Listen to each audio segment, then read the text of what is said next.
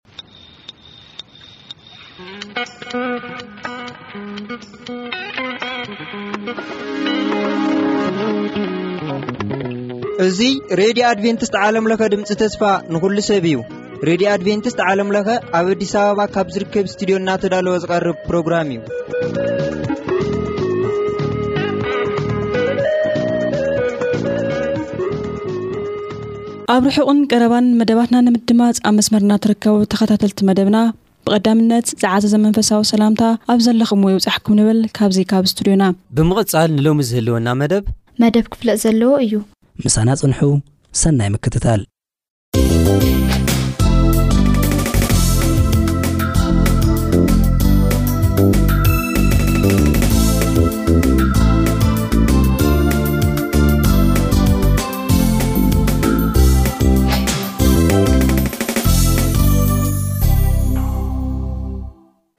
ሰላም ከመይ ትኾኑ ክቡራት ካልታትልቲ መደብና እዚ ኣብ ዝሓለፈ ዝጀመርናዮ ብዛዕባ ዓብዪ ቀለስ ወይ ድማ ብዛዕባ ግሬት ኮንትሮቨርስ ተባሂሉ ዝፅዋዕ ትምህርቲ ኢና ክንርኢ ቀፃልነቱ ማለት እዩ መበል ሳሳይ ራብዓይን ክፋል ሎምን ኣብ ዝቕፅልን ሒዝናዮ ክንቀርብ ኢና በዚ ድማ በዚ ክልተ ክፋላት ድማ እቲ ኣርእስቲ ክንውዶ ኢና ማለት እዩ ቅድሚ ኩሉ ግን እግዚኣብሔር ምእንቲ ከምህርናን ክመርሓናን ሕፅር ዝበለ ፀሎት ክንፅሊ ኢና ንፀሊ እግዚኣብሔር ኣምላኽ ስለዚ ግዜን ሰዓትን ነመስግነካ ኣለና ሕጂ ድማ ቓልካ ከፊትና ኣለና እሞ ቓልካ ክነጽንዕ ንስኻ ርድኣና ከም ምሕረትካ ከም ፍቓድካ ክንነብር ድማ ንስኻ ሓግዘና ብጎይታና መድሓና ንስ ክርስቶስ ስም ኣሜን እምበኣር ዓብዪ ቅልስ ብዝብል ኣርእስቲ ኢና ነርኣና ዝነበና ዓብዪ ቅልስ እንታይ እዩ ንምንታይ ከዓቢ ቅልስ ተባሂሉ ኣበይ እዩ ከተጀሚሩ መዓስ'ዩኸ ዝውዳእ? ዝብሉ ሕቶታት ብተደጋጋሚ ብቐሊሉ ክሕተቱ ዝግብኦም ሕቶታት'ዮም። ዓቢ ቅልስ ማለት ኣብ መንጎ ክርስቶስን ሰይጣንን ዝግበር ቅለስ'ዩ። እዚ ቅለስ'ዚ ዝተጀመረሉ ኣብ ሰማይ'ዩ። ናይዚ ቅልስ'ዚ ምኽንያት ድማ እቲ ዘጽልል ኪሩብ ዝነበረ ሉሲፈር ወይ ድማ ኮኾብ ጽባሕ ብመልክዑ ተዓብዩ ክስገደሉ ብምድላዩ'ዩ። ኣምላኽ ናይ ምዃን ድሌቱ ስለ ዘይሰመረሉ እዩ ናይቲ ቃልሲ ዋና ምክንያት ማለት እዩ ዓብ ቕልስ ዝተባህለሉ ዋና ምክንያት ዓለም ሙሉእ ዩኒቨርስ ሙሉእ ዘሳተፈ ቕልስ ምዃን እዩ ንሱ ጥራሕ ዘይኮነ ዘመናት ልዕሊ ዘመናት ድማ ኣሽሓት ዓመታት ዝወሰደ ቕልስ ምዃኑ እዩ ብርግፅ እዚ ዓበ ቅልስ ብዙሕ ዘሳተፈ ዩኒቨርስ መላእ ዩኒቨርስ ዘሳተፈ ቅልስ እኳ ተኾነ ንኣሽሓት ዓመታት እኳ ዝወሰደ ቅልስ ተኾነ ግን መወዳእታ ዘይግበረሉ ግን ኣይኮነን መወዳእታ ክግበረሉ እዩ ናይዚ መወዳእታ ቅልስ ከዓ ኣብ ራእይ መራፍ ዒስራ ዘሎ ሓሳብ ብምርኣይና ክንዛዝሞ ማለት እዩ ስለዚ ቅድሚ ናይ ሎሚ ኣርእስትና ምጅማርና ክንሪኦ ዝግባኣና ነገር ኣሎ እሱ ድማ እንታይ እዩ ኣብዚ ቅልስ እዚ ማእኸላይ ስፍራ ክኸውን እየ ዝብል ሰብ እንተሃልዩ ተጋጊ እዩ ምክንያቱ ኣብዚ ቅልስ እዚ ወይ ምስ ክርስቶስ ኮንካ ሰይጣን ምውጋ እዩ ወይ ምስ ሰይጣን ኮንካ ክርስቶስ ምውጋ እዩ ማእኸላይ ዝበሃል ስፍራ የለን ስለዚ ምስ መን እዩ ዝሕሸና ምስ መን ኢና ንመርፅ ዝብል ኣብ ሕድሕድ መዓልቲ ኣብ ሕድሕድ ጉዕዞና እንመርፆ ምርጫ እዩ ነዚ እዩ ኣብ ዝሓለፈ መደባትና እውን ከናም ንሪእየሉ እዋን ህወት ብምርጫ ዝተመልአት እያ ሕድሕድ ስጉምትና ከዓ ብምርጫ ዝተመልአ እዩ ስለዚ እቲ ንመርፆ ምርጫ ኣስተውዒልና ብምምራፅ ኣምላኽ ኣብ ህይወትና ከነኸብር ንህይወትና ዝጠቅምን ዘረብሕን ነገር ድማ ክንመርፅ ጻውዒትና እዩ። ናይዚ ኣገልግሎትና ዋና ምኽንያት እውን ምርጫና ኣብ ህይወት ከነስተኻኸል እዩ። ምናልባት ሓድሓደ ግዜ ሕማቕ ነገር ስለ ዘይገበሩ ኣብ ጽቡቕ ምርጫ ኣለኹ ኢሎም ዝሓስቡ ሰባት ኣለዉ እዮም። ነገር ግን ምርጫኻ ትኽክል ድዩ ትኽክል ኣይኮነን ብዝብል ኣበይ ከም ዘለኻ በቲ ዝመረጽካዮ ነገር ኣበይ ኮፍ ኢልካ ንመን እትዋጋእ ከም ዘለኻ ዘርእካ ሓደ ካርታ ኣሎ ንሱ ድማ መፅሓፍ ቅዱስ ይበሃል ስለዚ ብመፅሓፍ ቅዱስ መንፀር ኢኻ ንስኻ ኣበይ ተሰሊፍካ ተሰሊፍካ ድማ ንመን ትቃለስ ከም ዘለኻ ዘርእካ ማለት እዩ ብዙሓት ምስ ክርስቶስ ኢና እናበሉ ንክርስቶስ ኢና ነኽብር እናበሉ ምስ ክርስቶስ ኮይና ናይ ዲያብሎስ ስራሕ ኢና ከነፍርስ እናበሉ ብተጻራሪ ግን ናይ ክርስቶስ ተቓወምቲ ኮይኖም ምስ ሰይጣን ብምትሕብባር ከተዓናቕፉ ከለዉ እቲ ናይ ወንጌል ስራሕ እቲ ናይ እግዚኣብሄር ስራሕ ከተዓናቕፉ ከለዉ ኢና ንርኢ ስለዚ ብዙሕ ሰባት ከይፈለጡ ኣብ ጎኒ ሰይጣን ኮይኖም ብሃይማኖት እውን እናሃለዉ ኣብ ጎኒ ሰይጣን ኮይኖም ተሰሊፎም ኣምላኽ ዝሕዝኑ ውሕዳት ኣይኮኑን ኣይኮናን ማለት እዩ ስለዚ ተቐዳማይ ኣበይ ከም ዘለኹ ዝነገረኒ ወይ ድማ ዝሕበረ ነገር እንታይ እዩ እቲ መፅሓፍ ቅዱስ እዩ መፅሓፍ ቅዱስ ከነንብብ ክንከል ኣለ እቲ ሓቂ ተቐቢልና ከም ፍቓዱ ንነብር እተ ኮይና ኣብ ጎኒ ክርስቶስ ኢና እንተ ካብቲ መፅሓፍ ቅዱስ ወፃ እተ ኮይና ግን ኣብ ጎኒ ሰይጣን ምዃና በዚ ከነረጋግፅ ንኽእል ኢና ክርስቶስ ካብ ዝበሎ ወፃኢ ካብ መፅሓፍ ቅዱስ ወፃኢ ንብል እተ ኮይና እዚ ናይ ሰይጣን ዶክትሪን እዩ እዚ ናይ ሰይጣን ትምህርቲ እዩ ሰይጣናዊ ቅዱስ ይምሰል ይቀባባእ ይሸላለም ካብ ሰይጣን እዩ ምክንያቱ ኣብ ዝሓለፈ ክንሪኦ ከለና ሲ ዲያብሎስ ሓሳዊ እዩ ንሓሶት ውን ኣቦዋ እዩ ዝብል ንሱ ክዛረብ ከሎ ካብ ርእሱ እዩ ዝዛረብ ፈጢሩ እዩ ዝዛረብ እዩ ዝብል ስለዚ ፈጢሩ ዝተዛረቦ ሰይጣን ዝፈጠሮ ትምህርቲ ከም ዝኾነ ካብ መፅሓፍ ቅዱስ ወፃኢ ዘሎ ትምህርትታት በዚ ከነረጋግፅ ንክልና ስለዚ ብጥንቃቐ ክንመላለሰሉ ዝግባኣና ነገር እዩ ማለት እዩ እምበኣር ናይ ዝቕልስ ዋና ጉዳዩ እንታይ እዩ ዝብል ሓሳብ ኢና ንርኢ ማለት እዩ እምበኣር ናይ ዘቐልስ ዋና ጉዳዩ ናይ እግዚኣብሔር መንግስትን ከምኡውን ሕጊ እግዚኣብሔርን እዩ ኣብ ቀደማ ዮሃንስ ምዕራፍ ሰለስተ ፍቕዲ ኣርባዕተ ከይድና ብ ንሪእሉ እዋን ሓጢኣት ምፍራስ ሕጊ እዩ እግዚኣብሄር ከዓ ሕጊ ኣፍሪሶም ሓጢኣተኛታት ኮይኖም ሞት ንዝተፈርዶም ደቂ ሰባት ዕደኦም ከፊሉ እንደገና ብምእዛዝ ህይወት ክመላለሱ እንደገና ከም ፈቓዱ ክመላለሱ ዕድል ከም ዝሃቦም ንደቂ ሰባት እዩ ዝነገረና ማለት እዩ ኣብዚ ነገር እዚ ክንርድኦ ዘለና ነገር ተሃለወ እንታይ እዩ እግዚኣብሄር ሓደ ወዲ ልኢኹ ናይ ሓጢኣት ዕዳና ክኸፍል ከሎ ክገብሮ ዝኽእለሉ መንገድታት ነይሩ እዩ ንኣብነት ከም ሰብ እኳ ክንሓስብ ከለና ምናልባት ሕጉዶ ኣወጊዱ ንምንታይ ደየድሕነና ንምንታይ ዝኹሉ ስቓይ ሰላሳን ሰለስተን ዓመት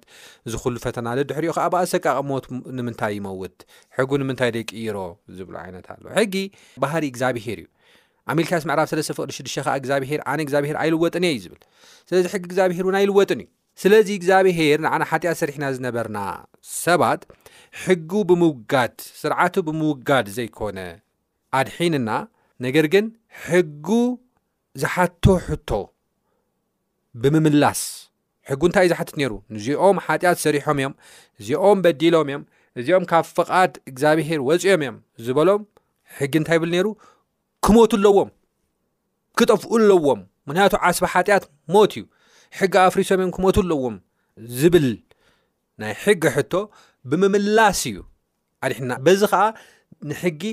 ልዕል ከም ዘበሎ ከም ዘኽበሮ እምበር ከም ዘዋረዶን ከም ዘጥፍኦን ኣይነርእን ኢና መጽሓፍ ቅዱስ ከድናብ ንሪእ ኣለዋን ማለት እዩ ብዙሓት ኢየሱስ ክርስቶስ ሕጊ ለዊጥዎ እዩ ሓድሽ ሕጊ ሂብና እዩ ይብሉ እዮም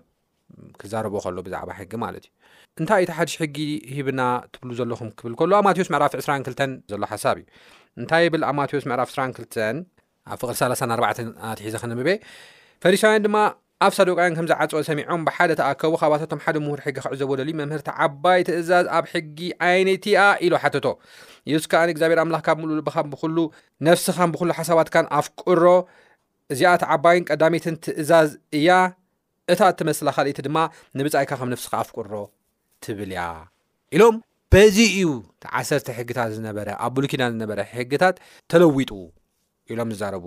ሰባት ኣሉ መጽሓፍ ቅዱስ ግን ክዛረበና ከሎ ኣብዚ ትሕቶ ንባዕሉ ከነጽንዖ ከለና ናብ ካልእ ከይከድና እኳ ከይና ክንሪኦ ከለና እንታይ እዩ ዝብል እታ ሓታታይ ዝሓተቶ መምህር እቲ ዓባይ ትእዛዝ ኣብ ሕጊ ዓይነት እያ ኢሉ እያ ሓቲቶ ኣብ ሕጊ ዝብሎ ዘሎ ሓሳብ ከይና ክንሪኦ ከለና ናይ እብራይስጥ መጽሓፍ ናይ ብሉይ ኪዳን መጽሓፍ ኣብ ሰለስተ እዩ ዝኽፈል ነይሩ ቶራ ነቢም ኬቲቢም ብዝብል ናይ እብራይስጥ ቓላት እዮም ፈላልዮምም ነይሮም ቶራ ዝብልዎም እዘን ናይ ኦሪት መጽሓፍ ካብ ኦሪት ዘፍጥረት ክሳብ ኦሪት ዘዳግም ዘሎ ሓሳብ እየን ቶራ ማለት ድማ እዚኤን ናይ ሕጊ መጽሓፍቲ እየን ተባሂለን ዝተፈልያ እየን። ካብኡ ነቢም ዝበሃሉ ከዓ እዚ ናይ ነቢያት መፅሓፍቲ ነቢያት ዝፀሓፍዎ በዓል ኣሞፅ በዓል ኢሳያስ በዓል ኤርምያስ ዝፀሓፍዎ እዩ ኬቲቢም ዝበሃል ከዓ መፅሓፍቲ እዩ ከም በዓል መፅሓፍ ኣሴር መፅሓፍ እዝራ መፅሓፍ እዮብ ዝኣመሳሰሉ ምሳሌ መዝሙር እዚኦም ብምሎም ኣብ ኬቲቢም እዮም ዝድርድርዎም ነሮም ማለት እዩ ስለዚ ኣብቲ ቶራ ዝበሃል ወይ ድማ ኣብቲ ሕጊ ዝበሃል መፅሓፍቲ እታ ዝዓበየት ሰኣይነቲኣ እዩ ዝብሎ ዘሎ እምበር ተለዊጡ ድዩ ተለዊጡ ይኮነን ኣይኮነን ትሕትኡ ነይሩ ናይቲ መምህሮ ሓጊ ማለት እዩ ትሕትኡ ናይ የሱስ ክርስቶስ መልሲ እውን ኣይ ተለዊጡ እዩ ኮ እሱ እሱ ኮ ተሪፉ እዩ ካልእ እኳ ሓድሽ ኣምፀ ኣይኮነን ነይሩ ካብ ሕጊ ካብተን ዝነበረ ኣብ ቶራ ተፃሓፈ ሕግታት እቲ ዓባይን እታ ቀዳመይትን ትእዛዝ ንእግዚኣብሔር ኣምላኽካ ብምሉእ ልብኻ ብኹሉ ነፍስኻ ብኹሉ ሓሳባትካ ኣፍቅሮ እያ ትብል ዝብል ሓሳብ ነጊርዎ ስለዚ እዛ ትእዛዝ እዚኣ ብካልእ ኣባሃላ ኣብ ሕጊ ወይ ድማ ኣብቲ ቶራ ዝበሃል ናይ ብሉይ ኪዳን መፅሓፍ ኣላ እያ ማለት እዩ ሓዳሽ ኣብ ሓድሽ ኪዳን ዝተዋሃበት ዘይኮነሲ ኣብ ብሉይ ኪዳን እውን ኣላ እያ ማለት እዩ ንሱ ድማ ኣብቲ ዋና እስራኤላውያን ኩሉ ግዜ ዝሽምድድዎ ዝነበሩ መፅሓፍ እያ ዘላ ኣብ ዘዳግም ምዕራፍ 6 ፍቅዲ 5 ዘዳግም ምዕራፍ 6 ካብ 4 ክሳብ 5 ንእስራኤላውያን ሼማ ኢሎም ዝፅውዕዎ ዋና ናይ ትምህርቶም መበገሲ ክንብሎ ንኽእል ኢና እስራኤል ስማዕ እግዚኣብሔር ኣምላኽና ሓደ ኣምላኽ ዩ እግዚኣብሔር ኣምላኽካ ከዓ ብምሉእ ልብኻ ብኩሉ ነፍስኻ ብኩሉ ሓሳባትካ ኣፍቅሮ ትብል ኣብ ዘዳግም ምዕራፍ ሽዱሽተ ፍቕዲ ሓሙሽተ ተጻሒፋ እያ ዘላ እምበር ኣብ ሓድሽ ኪዳን እተዋህበት ሓዳሽ ትእዛዝ ከም ዘይኮነ እዛ ትእዛዝ እዚኣ ዝነበረት ከም ዝኾነ እዩ ዝነግረና ንሱ ጥራሕ ኣይኮነን ድሓር እዚኣ እንተ ዓባይን እታ ቀዳመይትን ትመስላ ትእዛዝ እያ እታ ትመስላ ካልእቲ ድማ ንምጻኢካ ንነፍስኻ ኣፍቅሮ ትብል እያ ስለዚ የሱስ ክርስቶስ ተለዊጡ ኢሉ ይጽሓፎን ኣብ ሕጊ ኣብቲ ቶራ ዝበሃል መጽሓፍ ኣብ ብሉይ ኪዳን ካልእቲ ዓባይ ትእዛዝ ድማ እንታይ እያ ዝብል ዘሎ ንብጻይካ ከም ነፍስኻ ኣፍቅሮ ትብል እያ ኣብ ዘሌዋውያን ምዕራፍ ዓሰርተ ትሽዓተ ፍቕዲ ዓሰርተ ሸሞንተ ንደቂ ህዝብኻ ሕነ ኣይትፍዳ ኣይትቀየምን ምስ በለ ንብጻይካ ከም ርእስኻ ደኣ ፍተዎ ኢሉ ኣብ ዘሌዋውያን ምዕራፍ ዓሰርተ ትሽዓተ ፍቕዲ ዓሰርተ ሸሞንተ ኢና ንርኢ ዘሌዋውያን ድማ ናይ ሕጊ መጽሓፍ እዩ ተውራ ካብ ዝበሃሉ መጽሓፍ እዩ ኣብዚ ሲ እተን ዓባይን እታ ንእሽተይን ዝበሃላ ወይ ድማ እታ ትመስላ ዝበሃላ ትእዛዝ እዚአን እየን ካብ ዝገርም ኣብዘን ክልተ ትእዛዝ እዚአን ብዘሎ ሕግን ነቢያትን ላኡ ዘሎ ብምሉእ ሓሳባት ዘጠቓለለ እዩ ኢሉ ክዛረብ ኮሎ ኢና ንርኢ ስለዚ ኣብዚ ትእዛዝ እዚ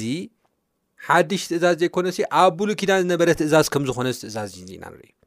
ብዛዕባ እዚ ብተሓተተሉ እንዲያም ክዛረብ ከሎ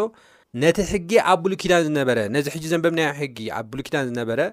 ጉዳይ ከጠናኽሮ ከሎ ኢና ንርኢ እምበር ከፍርሶ ከሎይ ንርእን ኢና ከፍርሶ ከሎይ ንርእን ኢና ኣብ ዮሃንስ ወንጌል መዕራፍ 13 ፍቕዲ 14 ኸይና ንርኢ ኣለዋን እውን ምስ ትእዛዝ ተተሓሒዙ ከም ዝብል ሓሳብ ኣሎ ንሕድሕድኩም ክትፋቐሩ ከምቲ ኣነ ዘፍቀርኩም ከምኡ ጌርኩም ነንሕድኩም ክትፋቐሩ ሓድሽ ትእዛዝ ዝህበኩም ኣለኹ ይብል ሓድሽ ትእዛዝ ዝህበኩም ኣለኹ ክብል ከሎ ቀደም ንብፃይካ ኣፍቅሮ እዩ ነይሩ ንብፃይካ ከም ነፍስኻ ጌርካ ከም ርእስኻ ጌርካ ኣፍቅሮ እዩ ዝብል ነይሩ ሕጂ ግና እቲ ንብፃይካ ከም ርእስኻ ጌርካ ኣፍቅሮ ዝብል ዝነበረ ከምቲ ኣነ ዘፍቀርኩኻ ጌርካ ኣፍቅሮ ኢሉ ሓድሽ ከም ዝገበሮ ከም ርእስኻ ጌርካ ኣይኮንካን ተፍቅሮ ኣነ ከም ዘፍቅርካ ጌርካ ኣፍቅሮ ክብል ከሎ የሱስ ክርስቶስ ኢና ንርኢ ስለዚ እዚ እቲ ሕጊ ተኣሽሙ ክንገብሮ ከሎ ኢና ንርኢ ማለት እዩ ስለዚ ናብታ ማቴዎስ ምዕራፍ 22 ክመለሱ እሞ እቲ ኩሉ ሕግን ነቢያትን ብምሉ ኣብዚ እዩ ተሰቂሉ ዘሎ ኣብ እዘን ክልተ ትእዛዛት እዩ ተሰቂሉ ዘሎ ክንብል ከለና እንታይ ማለትና እዩ ኣብ ሲና ዝተዋህበ ዓሰርተ ትእዛዛት ኣሎ ብናይ እግዚኣብሄር ኣፃብዕቲ ዝተፃሓፈ እንደገና ኣብ ውሽጢ ታቦት ዝቕመጥ ዝነበረ ባህሪ እግዚኣብሄር ዘርኢ ብክልተ ጽላት ተዋህበ ሕጊ እዩ ኣብ ዘጻት ምዕራፍ 19 ከምኡ 20 ኬድና ንሪኦ ኣለዋ ኣብዚ ሓሳብ እዚ ኬድና ንሪኦ ኣለዋን እዚ ትእዛዝ እዚ ኣብ ውሽጢ ታቦት ምቕማጡ በናይ እግዚኣብሄር ኣጻብዕቲ ምጽሓፉ ኬድና ንሪኦ ኣለዋን ብዙሕ ነገራት ዘርእየና ነገር ኣሎ። ሓደ፣ ካብቲ ብሙሴ ኢድ ዝተጻሕፈ፣ ኣብ ሜዳ ዝተዋህበ ብሙሴ ኢድ ዝተጻሕፈ ስርዓት ይፍለ እዩ። ምክንያቱ እቲ ብሙሴ ኢድ ዝተጻሕፈ ስርዓት ኣብ ጎኒ እቲ ታቦት እምበር ኣብ ውሽጢ እቲ ታቦት ኣይኮነን ዝቕመጽ ነይሩ። ነዚ መረጋገጺ ኣብ ዘዳግም ምዕራፍ 31 ዘሎ ሓሳብ ከንብበልኩም እደሊ። ልዕል ኢለ ከንብቤ ዘዳግም ሰላሳን ሓደን ካብ ዕስራን ኣርባዕተን ኣትሒዘ ከንብብ እየ።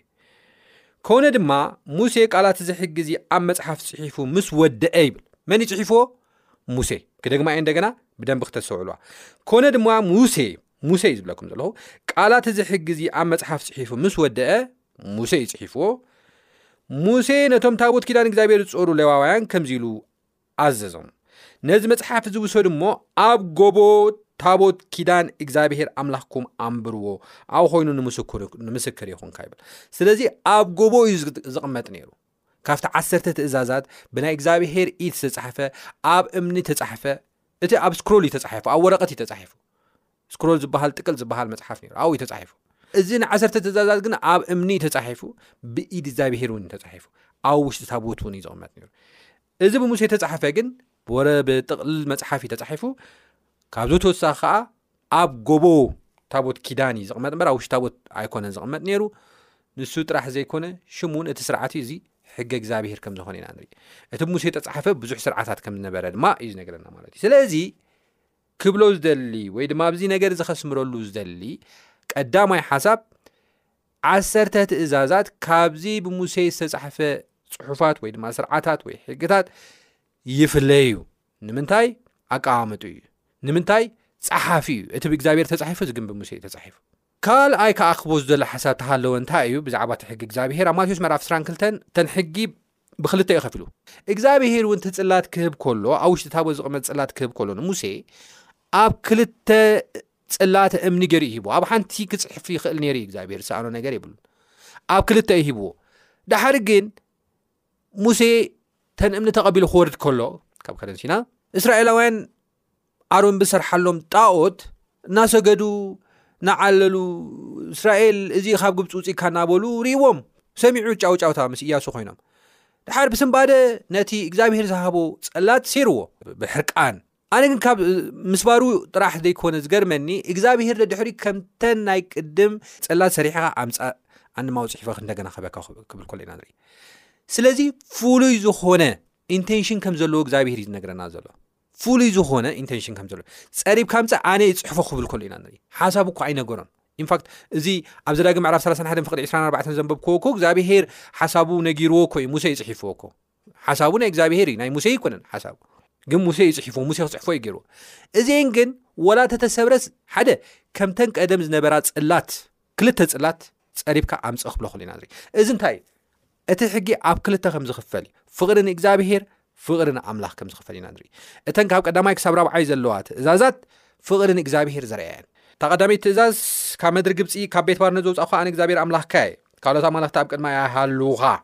ኣብ ልዕሊ ኣብ ሰማይ ካብ ዘለዎ ኣብ ታሕቲ ኣብ ምድሪ ካብ ዘለዎ ኣብ ማይ ኣብ ትሕቲ ምድሪ ካብ ዘለዎ ምስልን ስእልን ዘበለ ንኣኻ ኣይትግበር ካብ ሰማይ ካብ ምድሪ ካብ ትሕቲ ምድሪ ዘለዉ ብምሉ ምስልን ስእልን ፍጹም ኣይትግበር እዩ ዝብል ኣይትስገደሎም ኣይተገልግሎም ድማ ምክንያቱ ብዙሓት ምስሊ ገይሮም ስእሊ ገይሮም እንታይ ገብሩ እዮም ጣዖታት ይሰግድሎም እዮም እሞ ስለዚ ኣይትግበር ኢሉ ክጅመር ከሎ ምስልን ስእልን ኣይትግበር ኣይትስገደሎም ኣይተገልግሎም ድማ ኣነ እግዚኣብሔር ኣምላኽካ ቀና ኣምላኽ እየ እሞ ንፀሎን ሓጢኣት ኣቦታት ኣብ ደቂ ክሳዕ ሳልሳይ ክሳዕ ራብዓይ ወለዶ ዝቐፅዕ ንዝፈትውን ትእዛዘይ ዝሕልውን ግና ክሳዕ ሽሕ ምሕረት ዝገብር ኢሉ እቲ ሳልሳይ ከኣ እግዚኣብሔር ስሙ ብኸንቱ ንዘልዓላ ከይቀጽዓ ኣይሓድጎን እዩ እሞ ስም እግዚኣብሔር ኣምላኽካ ብኸንቱ ኣይተልዕል ራብዓይ ከዓ መዓልቲ ሰንበት ክትቅድሳ ዘክር ሽዱሽተ መዓልቲ ዕየ ተግባርካ ኩሉ ግበር እታ ሳብዒይቲ መዓልቲ ግና ናይ እግዚኣብሔር ኣምላክካ ሰንበት እያ ናይ ማንም ኣይኮነትን ናይ እከለ ወይ ናይ እከለ ወይ ናይ ኣይሁድ ወይ ናይ ኣዳም ወይ ናይ ኢትዮጵያዊ ኣይኮነትን ናይ እግዚኣብሄር ኣምላኽካ ሰንበት እያ እዩ ዝብል እግዚኣብሄር ፈጢሩ ዝዓረፈላ ሰንበት እያ እምበር ናይ ሰብ ኣይኮነትን ናይ ኣይሁድ ኣይኮነትን ብኣ ንስኻን ወድኻን ጓልካን ግዝኡኻን ግዝእትኻን ማልካን ኣብ ውሽጢ ደጌታ ዝነብር ስደተኛ ገለ ዕዮ እኳ ኣይትዕየዩ እግዚኣብሄር ብሽዱሽተ መዓልቲ ሰማይን ምድርን ባሕርን ኣባታቶም ዘለዎ ኩሉን ገይሩ እዩ እሞ ብሳብዒቲ መዓልቲ ከዓ ዓረፈ ስለዚ እግዚኣብሄር ንመዓልቲ ሰንበት ባረኻን ቀደሳን ይብል ኣብዚ ሓሳብ እዚ ከድና ንሪኦ ኣሉዋን ስለዚ እዘን ኣርባዕተ ትእዛዛት ከድና ንሪኦ ኣሉዋን እግዚኣብሔር ኣምላኽካ ብምሉእ ልብኻን ብኩሉ ሓሳብካን ብኩሉ እንትናኻን ኣፍቅሮ ዝብል ዝሓዛ ዘጠቓለላ እየን እግዚኣብሔር ተፍቅሮ እንተ ደኣ ኮንካ ብጀክኡ ካልኦት ኣማለኽቲ ኣይተመለኸን ኢኻ እግዚኣብሔር ተፍቅሮ እንተ ደኣ ኮንካ ምስልን ስእልን ኣብ ማንም ቦታ ይኹን ኣብ ሰማይ ኮነ ኣብ ምድሪ ኣብ ትሕቲ ምድሪ ማያት ኮነ ኣብ ማንም ዘሎት ምስልን ስእልን ኣይትገብርን ኢኻ ኣይትሰግደሎምን ኣይተኽብሮምን ኢኻ ሳልሳይ ሽም እግዚኣብሄር ብኸንቱ ኣይትፅውዕን ኢኻ እግዚኣብሄር ተፍቅሮ ተኮይንካ ራብዓይ ንእግዚኣብሄር ተፍቅሮ ተኮይንካ ሰንበት ናተይ መዓልቲ እያ ዝበላ ሰንበት ኣይተረክስን ኢኻ እዚ በታ ሓንቲ ፅላተ ተፃሓፉ እግዚኣብሄር ኣምላኽካ ብኩሉ እንተናኸ ኣፍቅሮ ዝብል ዝሓዙ ነጥብታት እዮም ስለዚ እግዚኣብሄር ኣብታ ሓንቲ ፅላተ ዝፅሒፉ ከምሳበና ኣብታ ካልእቲ ከዓ ከይና ንሪኢ ኣልዋን ኣብቲ እግዚኣብሄር ዝሃባካ ምድሪ ዕድሜኻ ምእንቲ ክነውሕ ኣቦኻን ኣዴኻን ኣኽብር ኣይትቕትል ኣይትዘሙ፣ ኣይትስረቕ፣ ኣብ ብጻይካ ብሓሶት ኣይትመስክር፣ ዓስራይ ከኣ ቤት ብጻይካ ኣይትመነ፣ ሰበይቲ ብጻይካ ግዝኡ ግዝእቱ ብዕራዩ ኣድጉ ገንዘቡ ብጻይካ ዘበለ ኩሉ ኣይትመነ ኢሉ እዘን ሽዱሽተ ትእዛዝ ድማ ንብጻይካ ከም ነፍስኻ ኣፍቅር ዝበል ትእዛዝ ዝተጠቕለለ ዝተዘረበ ሓሳብ እዩ ማለት ስለዚ እግዚኣብሄር ሙሴ እቲ ጽላት እኳ እንተ ሰበሮ እንደገና እተን ጽላት ሰሪሕኻ ኣምጻለይ ኣብ ክልተ ጽላት እየ ዝደሊ ሕጂ እውን ምባሉ እተን ትእዛዝ ኣብ ክልተ ከም ዝኽፈላ እዘን ክልቲኤን ከዓ ፍቕሪ ንእግዚኣብሄር ፍቕሪ ንሰብ ፍቕሪ ንእግዚኣብሄር ካብ ቀዳማይ ክሳብ ራብዓይ ዘሎ ትእዛዝ ፍቕሪ ንሰብ ድማ ካብ ሻድሻይ ክሳብ ዓስራይ ዘሎ ትእዛዝ ከም ዝኾነ እዩ ዝዛረበና ንሱ ጥራሕ ዘይኮነ ኣምፅኣለይ ባዕለይ ክፅሕፎ እየ ኢሉ ባዕሉ መፅሓፉ ከዓ ኣብ እምኒ ምጽሓፉ ኸኣ ዘለዓለማዊ ምዃኑ ግዜያዊ ከም ዘይኮነ ኢና ንርኢ ብዙሕ ግዜ ትርጉም ኣለዎ ኢየሱስ ክርስቶስ ኣብ ዮሃንስ ወንጌል ምዕራፍ 8 ነታ ሓጢኣት ሰሪሓ ክሃርምዋ ዝመፁ ኣብ የሱስ ክርስቶስ ኣቕሪቦማ እዚኣ ከተመንዝር ረኺብናያ ኢና ዝበሉ ሰባት የሱስ ክርስቶስ ዝገበሮ ነገር ኣሎ ሓደ ነገር ዝገበሮ ነገር ኣሎ እንታይ ገይሩ ድንን በለ ይብለና ኣብ ሓመድ ምጽሓፍ ጀመረ። ደሓር ቅንዕ ኢሉ፣ ካባኹም ሓጢኣት ዘይብሉ፣ ሓጢኣት ዘይገበረ፣ እዛ እምኒ እዚኣ የንብረላ ከም ዝበለ ኢና ንርኢ። እቲ ኣብ ሓመድ ንፋስ መጺኡ ኣብ ዘጥፈኦ ዝጸሓፉ እንታይ እዩ? ሓጢኣት እቶም ደቂ ሰባት እዩ። ካልኣይ ሙሴ ኣብ ዝረግ ምዕራፍ 31 ፍቅዲ 24 ዘንበብክዎ ድማ ኣብ ስክሮል እዩ ጽሒፎ ጥቕል ወረቐት ማለት ጠንካራ ወረቐታዊ ጽሒፎ እንተኾነ ግን ወረቐት እንታይ እዩ ተቐዳዲ ንምንታይ እዩ ሓላፊ ስለ ዝኾነ ኣብ እምኒ ግን ክፈሓቕ ኣይክእልን እዩ ከተወግዶ ይተቕልኒኻ ዘለዓለማዊ እዩ ዱራብል እዩ ፀናዐ እዩ እቲ ኣብ ወረቐ ተፃሓፈ ክርስቶስ ክመፅ ከሎ ዝቕደድ እዩ ስለዚ እግዚኣብሄር ግን ነቲ ዓሰርተ ትእዛዛት ኣብ ፅላት ከም ፀሓፈ ኣብ እምኒ ከም ፀሓፈ እዩ ዝነገረና እንደገና ፀሪቡ ከም ዝሃቦ ኣብታ ቦታ ኣቐምጦ ከም ዝበሎ ኢና ንርኢ ስለዚ ሎሚ ናይ እግዚኣብሔር ትእዛዝ ፈሪሱ እዩ ዝብሉ ተለዊጡ እዩ ብከምዚ ዝብሉ መፅሓፍ ቅዱሳዊ መሰረት ከምዘይብሎም ዘርኢ ሓሳብ እዩ ንሱ ጥራሕ ዘይኮነ ፍልይ ብዝበለ ኣብ ዝቐፅሉን ክንርኢ ኢና ሰባት ከዓ ዓሰርተ ትእዛዛት ኣይንቕበል ኢና ግን ፍልይ ፍልይ ዝበለ ኣይንደልን ኢና እናበሉ ከዓ ክፃወቱ ከልኡ ከምዚ ካርታ ንርኢ ኢና ንኣብነት ሓደሓደ ቤተ እምነታት ሰንበት ናይ ኣይሁድ እያ ነይራ፣ ሰንበት ተወጊዳ እያ ትብል ራብዓይ ትእዛዝ በይና ክቐድዋ ከለዉ፣ ሰንበት ከመይ ገይራ እያ ናይ ኣይሁድ ትኸውን? መጽሓፍ ቅዱስ እኮ ኣብ ዘጸኣት ምዕራፍ ዕስራ እኮ ዘንበብኩልኩም ብግልጺ ኣነ ኣብ ዘጸኣት ዕስራ ጥራሕ ተዝዛረቦ ነይሩ ምናልባት ካልእ ትርጉም ዶ ህልዎ ይኸውን ክበሃል ይኽእል ግን ኣብ ዘፀኣት ዕስራ ጥራሕ ኣይኮነን ፅሒፍዎ እንታይ እዩ መጀመርያ ፅሒፉ ኣብ ዘፀኣት ምዕራፍ ዕስራ መዓልቲ ሰንበት ክትቅድሳ ዘክር ሽዱሽተ መዓልቲ ዕየ ተግባርካ ኩሉ ግበር እታ ሳብዒት መዓልቲ ግና ናይ እግዚኣብሔር ናይ ኣምላኽካ ሰንበት እያ ሰንበት እታ ሻውዒት መዓልቲ ናይ እግዚኣብሔር ናይ ኣምላኽካ ሰንበት እያ ናይ ኣይሁድ ኣይኮነት ናይ ገለ ኣይኮነት እዚ ሓሳብ እዚ ኣብ ዘዳግም ምዕራፍ ሓሙሽተ ተፃሒፉ ኣሎ ኣብ ኢሳያስ ምዕራፍ ሓምሳን ሸሞንተን ተፃሒፉ ኣሎ ኣብ ራኢ ምዕራፍ ሓደ ተጻሒፉ ኣሎ። መዓልተይ ዝብላ እግዝኣብሄር እታ ሻውዐይቲ መዓልቲ ቀዳም እምበር መዓልተይ ዝብላ እታ ቀዳመይቲ መዓልቲ እሁድ ኣይኮነን። እሁድ ናይ ግእዝ ቃል እዩ። እሁድ ማለት ከዓ ሓደ ማለት እዩ። ሻውዐይቲ መዓልቲ ኣይኮነን እሁድ። ስለዚ እግዚኣብሄር እታ መዓልተይ ዝብላ ዘሎ እታ ሻውዒት እምበር እታ ቀዳመይቲ መዓልቲ ወይ ድማ ኣሃድ ኣሃዱ ካብ ዝብል ወይ ድማ እሁድ ኣይኮነትን ዝብላ ዘሎ ስለዚ እዛ መዓልቲ እዚኣ መዓልተያ እዩ ዝብል ዘሎ ደጋጊሙ እዛ መዓልቲ እዚኣ ሲ መዓልተ እያ ኢሳያስ ምዕራፍ ሓ ሸሞንተ ከምብበልኩም ቁፅሪ ዓሰርተ ብሰንበት በታ ቅድስቲ መዓልተይ ከም ፍቓድ ርእስኻ ከይትገብር ተጠንቀቕ እዩ ዝብል በታ ቅድስቲ መዓልተይ ናተይ መዓልቲ እዩ ዝብላ እግዚኣብሄር ኣይ መዓልትኻ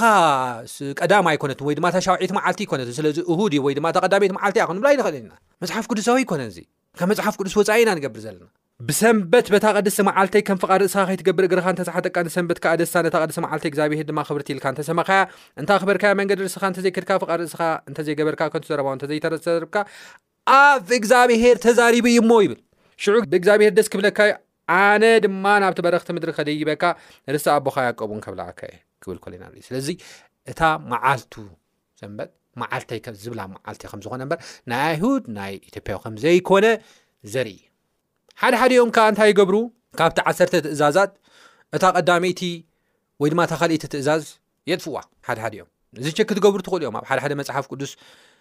ካልኦት ዝብልዎ እስከ ዓሰርተ ትእዛዛት ኣንብቡ ኣብ ሓደ ሓደ ፅሑፉ እታ ካልእቲ ትእዛዝ ሙሉእ ብምሉእ የጥፍዋ እዮም እንታይ እየ ትብል እታ ካልእቲ ትእዛዝ ኣብ ዘፃት መራፍ ዕስራ ከም ዝረኣናዮ እዛ ትእዛዝ እዚኣ ከጥፍዋ ከሎ ኢና ንርኢ ዘፃት መራፍ ዕስራ ፍቕዲ ኣርባዕተ። ኣብ ላዕሊ ኣብ ሰማይ ካብ ዘለዉ ኣብ ታሕቲ ኣብ ምድሪ ካብ ዘለዉ ኣብ ማይ ኣብ ትሕቲ ምድሪ ካብ ዘለዉ ምስልን ስእልን ዘበለ ንኣኻ ኣይትግበር ግልፂ እዩ እኮ ኣይትስገደሎም ኣይተገልግሎም ድማ ኣነ እግዚኣብሔር ኣምላኽካ ቀና ኣምላኽ እየ እሞ ንዝፀልኡ ንሓጢኣት ኣቦታት ካብ ደቂ ክሳዕ ሳልሳይ ራብዓይ ወለዶ ዝቐፅዕ ንዝፈትውንን ትእዛዝን ዝሕልውን ግና ክሳብ ኣሽሓት ምሕረት ዝገብር እየ ይብል ግልፂ እዩ ነገር ግን ሰባት ምስቲ ናቶም ኣተሓሳስባ ስለ ዘይከይድ እዚ ትእዛዝ እዚ ሙሉእ ብምሉእ ክሓክዎ ከለዉ ሓኺኾም ድማ እቲ ተዓስራይ ትእዛዝ ኣብ ክልተ ክከፍልዋ ከሎ ኢና ንርኢ ተዓስራይ ትእዛዝ ምልእት እያ ሓንቲ ትእዛዝ እያ ኣብ ክልተ ኣይከፈላን እግዚኣብሄር እንታይ እያ ትብል ተዓስራይ ትእዛዝ ቤት ብፃይካ ኣይትተምነ ጥራሕ ኣይኮነትን ቤት ብጻይካ ኣይትተምነ፣ ሰበይቲ ብጻይካ፣ ግዝኡ፣ ግዝእቱ፣ ብዕራዩ፣ ኣድጉ፣ ገንዘብ፣ ብጻይካ ዘበለ ኩሉ ኣይትተምነ እያ ምልእቲ እያ እዚኣ ኣብ ክልተ ትኽፈል ነገር ኣይኮነን ነገር ግን ተኻልእቲ ትእዛዝ ተወጊዳ ኣወጊዶም እቲ ዓስረይቲ ትእዛዝ ኣብ ክልተ ከፊሎም ንክምላእ ይገብርዎ ንምንታይ መጽሓፍ ቅዱሳዊ ይኮነ እዚ ሓድሓዲኦም ከዓ በቃ ሓደ ሻዕ ዝደሓነ ድሒኑ እዩ ምንም ተገበርካ ትሕጊ ወላ ተወገድካዮ ወላ ተኣሽም ተገበርካ ምንም ተኣሽሚ ትገብር እኒካ ኢሎም ብምሉእ ብዓሰርቲኡ እውን ዘወግድዎ ኣለዉ ሓደሓዲኦም ምንም ሕጊ ዝበሃል ኣየድለየናን እዩ ሕጊ ክሰምዑ ንባዕሉ ከለዉ ዝፀልኡ ሰባት ኣለ እቲ ሕጊ ቅዱስ እዩ እቲ ሕጊ ሰናይ እዩ ሰናይ ዘበለ ነገር እቲ ቅዱስ ዘበለ ነገር ከመይ ጌርካ ይፅላእ ሕጊ ክበሃል ከሎ ንምንታይ ሰብ ኢሪተ ትገብሮ እቲ ኢየሱስ ንብሎ ዘለና ጎይታ እኮ እቲ ኢየሱስ ንብሎ ዘለና ጎይታ እኮ እቲ ፀጋ እንብሎ ዘለና ነገር እኮ ዝገበሮ ተግባራት ክንርኣ ከለና ቀዳማይ ኣብ እብራውያን ምዕራፍ ሓደ ከይደ ክርኢ ይደሊ እዩ ቀዳማይ ለውለስነስ ስርዓት ኣልበኝነት ሕጊ ኣልቦነት ከጥፍእ እዩ መፅዩ ፀልዩ እዩ መፅዩ ሕጊ ኣልቦነት ዝፀልእ ኣምላኽ እዩ ለውለስነስ ብዘይ ሕጊ ምንባር ከም ደስ ዝበለካ ምኻድ ዝፀልእ ኣምላኽ እዩ ናይ ስርዓት ናይ ሕጊ ኣምላኽ እዩ እቲ ኢየሱስ ንብሎ ዘለና ኣምላኽ ነገር ግን ኢየሱስ እናበልና ሕጊ ምፅላእ ሕጊ ክበሃል ከሎ ቀጥቀጥ ዘብለና እተኮይኑ እዙይ ቅዱስ መንፈስ ዘይኮኑ ርኹስ መንፈስ እዩ ተቋፂርና ዘሎ ማለት እዩ እታ ካልኣይ እቲ ፀጋ እንታይ እዩ ዝብለና ብ ኤፌሶን ዕራፍ 2ሸ ፀጋ ብእምነት እዩ ኣድሒንኩም ምስ በለ ከም ብሓድሽ ክትፍጠሩ እዩ ገይርኩም ምስ በለ ሰናይ ግብሪ ንምግባር እንደገና ተፈጠርኩም ይብለና ኣይ ናይቲ ሰናይ ግብሪ ንድኻታት ምርዳእ ጥራሕ ድዩ ሰናይ ግብሪ? ኣይኮነን። ሰናይ ግብሪ ዝብሎ ዘሎ ኣብ ሮሜ ምዕራፍ ሸውዓተ ከድኩም ኣብ ትርእሉ እዋን እቲ ሕጊ ቅዱስ እዩ ሰናይ ይብለና ኣብ ፍቕዲ ዓሰርተ ክልተ ክዛረብ ከሎ እምበኣር እቲ ሕጊ ቅዱስ እዩ እቲ ትእዛዝ ቅዱስን ጻድቕን ሰናይን ይብል ስለዚ ጸጋ ንዓና ክድሕነና ከሎ ሓድሽ ፍጥረት ክገብረና ከሎ ውሉድ ኣምላኽ ክንበሃል ክገብረና ከሎ እቲ ሰናይ ዘበለ ነገር ንክንገብር እዩ ዝፈጥረና ዘሎ እቲ ሕጊ ንክንፈጽም እዩ ዝፈጥረና ዘሎ እዩ እሞ ናብቲ ናይ መጀመርያ ሓሳብና ክምለስ ከለኹ እዚ ዓበ ቕልስ እቲ ዋና ፒቮታል ኢሹ ወይ ድማ እቲ ዋና ጉዳይ ናይ ቃልሲ እቲ ትኩረት ናይ ተቓልሲ ንእግዚኣብሔር ትእዘዝ ዲኻ ንእግዚኣብሔር ኣይትእዘዝን ኢኸ መጀመርያ እውን ኤደን ገነት ዝቐረበትሎም ሕቶ ወይ ድማ ዝቐረበትሎም ፈተና ንእግዚኣብሔር ትእዘዝ ዲኻ ኣይትእዘዝን እያ ሕጂ እውን ንክርስቶስ ምእማናን ዘይምእማናን መረጋገፂ ዘርኢ መፈተኒ ትእዛዝ እዩ ንእግዚኣብሔር እዘዞ ደ ኣይእዘዞን ከም ፍቓዱ ይኸይድ ደ ኣይከይድን እዚ እዩ እዚ ከምቲ ቅድሚ ኢለ ዝበልኩኹም ኣብቲ ዓብ ቓልሲ ብዙሓት ብፍላጥ ኮነ ብዘይፍላጥ ካብ እግዚኣብሄር ወፂኦም ኣብ ጎኒ ሰይጣን ኮይኖም ንእግዚኣብሄር ይቃለሱ ሎ እዮም ሎሚ እግዚኣብሄር ይፅዋዕ ኣሎ ኣብዚ ዓብ ቓልሲ ምስኡ ኮይና ንሰይጣን ክንቃለስ ምስኡ ኮይና ናይ ዲያብሎስ ስራሕ ከነጋልፅ ምስኡ ኮይና ነቶም ዝጠፍኡ ኣሕዋትና ከነድሕን ምስኡ ኮይና ነቶም ተሸገሩ ኣሕዋትና ክንበፅሕ እግዚኣብሄር ይፅዋዕ ኣሎ ሞዙ ፃውዒት ዝተቐቢልና